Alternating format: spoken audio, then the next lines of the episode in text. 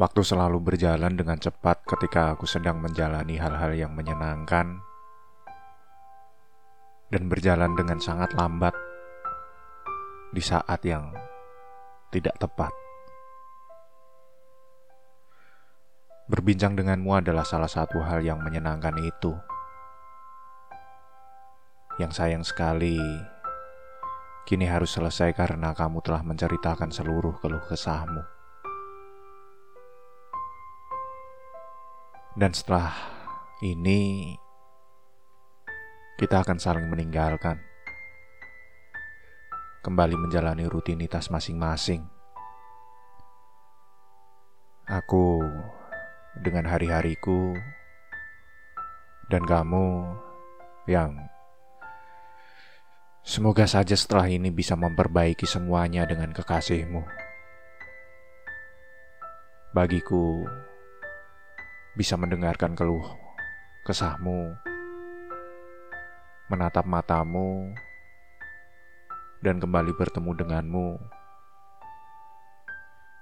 Itu sudah lebih dari cukup. Berjanjilah untuk menceritakan cerita bahagia jika ada kesempatan di pertemuan berikutnya.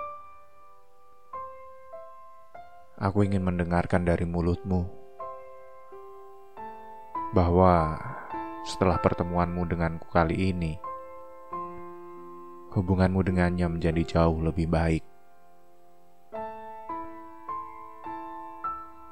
Aku tidak mau tahu jika nantinya kita bertemu, masih ada kesedihan yang aku baca dari sorot matamu. Aku akan marah besar, sebab pertemuan kita kali ini berarti biasa saja dan cenderung tidak bermakna.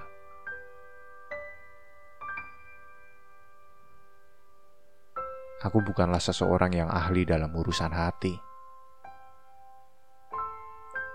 Bukan juga seseorang yang pantas untuk menggurui. Semua yang aku katakan kepadamu adalah sebuah saran dari berbagai pengalaman yang pernah aku rasakan. Lagi pula kita adalah manusia biasa yang masa lalunya pernah mengalami banyak peristiwa jatuh hati dan juga patah hati.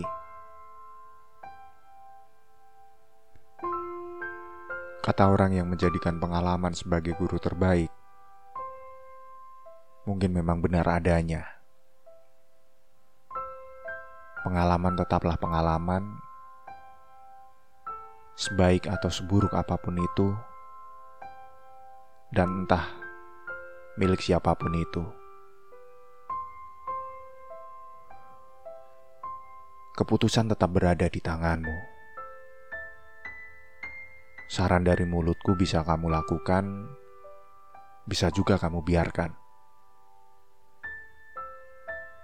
Ketika dihadapkan pada sebuah keputusan, kita tidak pernah tahu apakah keputusan itu akan memberikan hasil sesuai harapan atau malah memberi sakit yang teramat dalam. Yang hanya bisa dilakukan hanyalah memilih keputusan yang sesuai dengan kondisi dan juga keadaan hati. Berusaha sekuatnya hingga mencapai batas. Jika hasil keluar sesuai yang diharapkan, maka bersyukur kepada Tuhan. Dan jika hasil cenderung mengecewakan,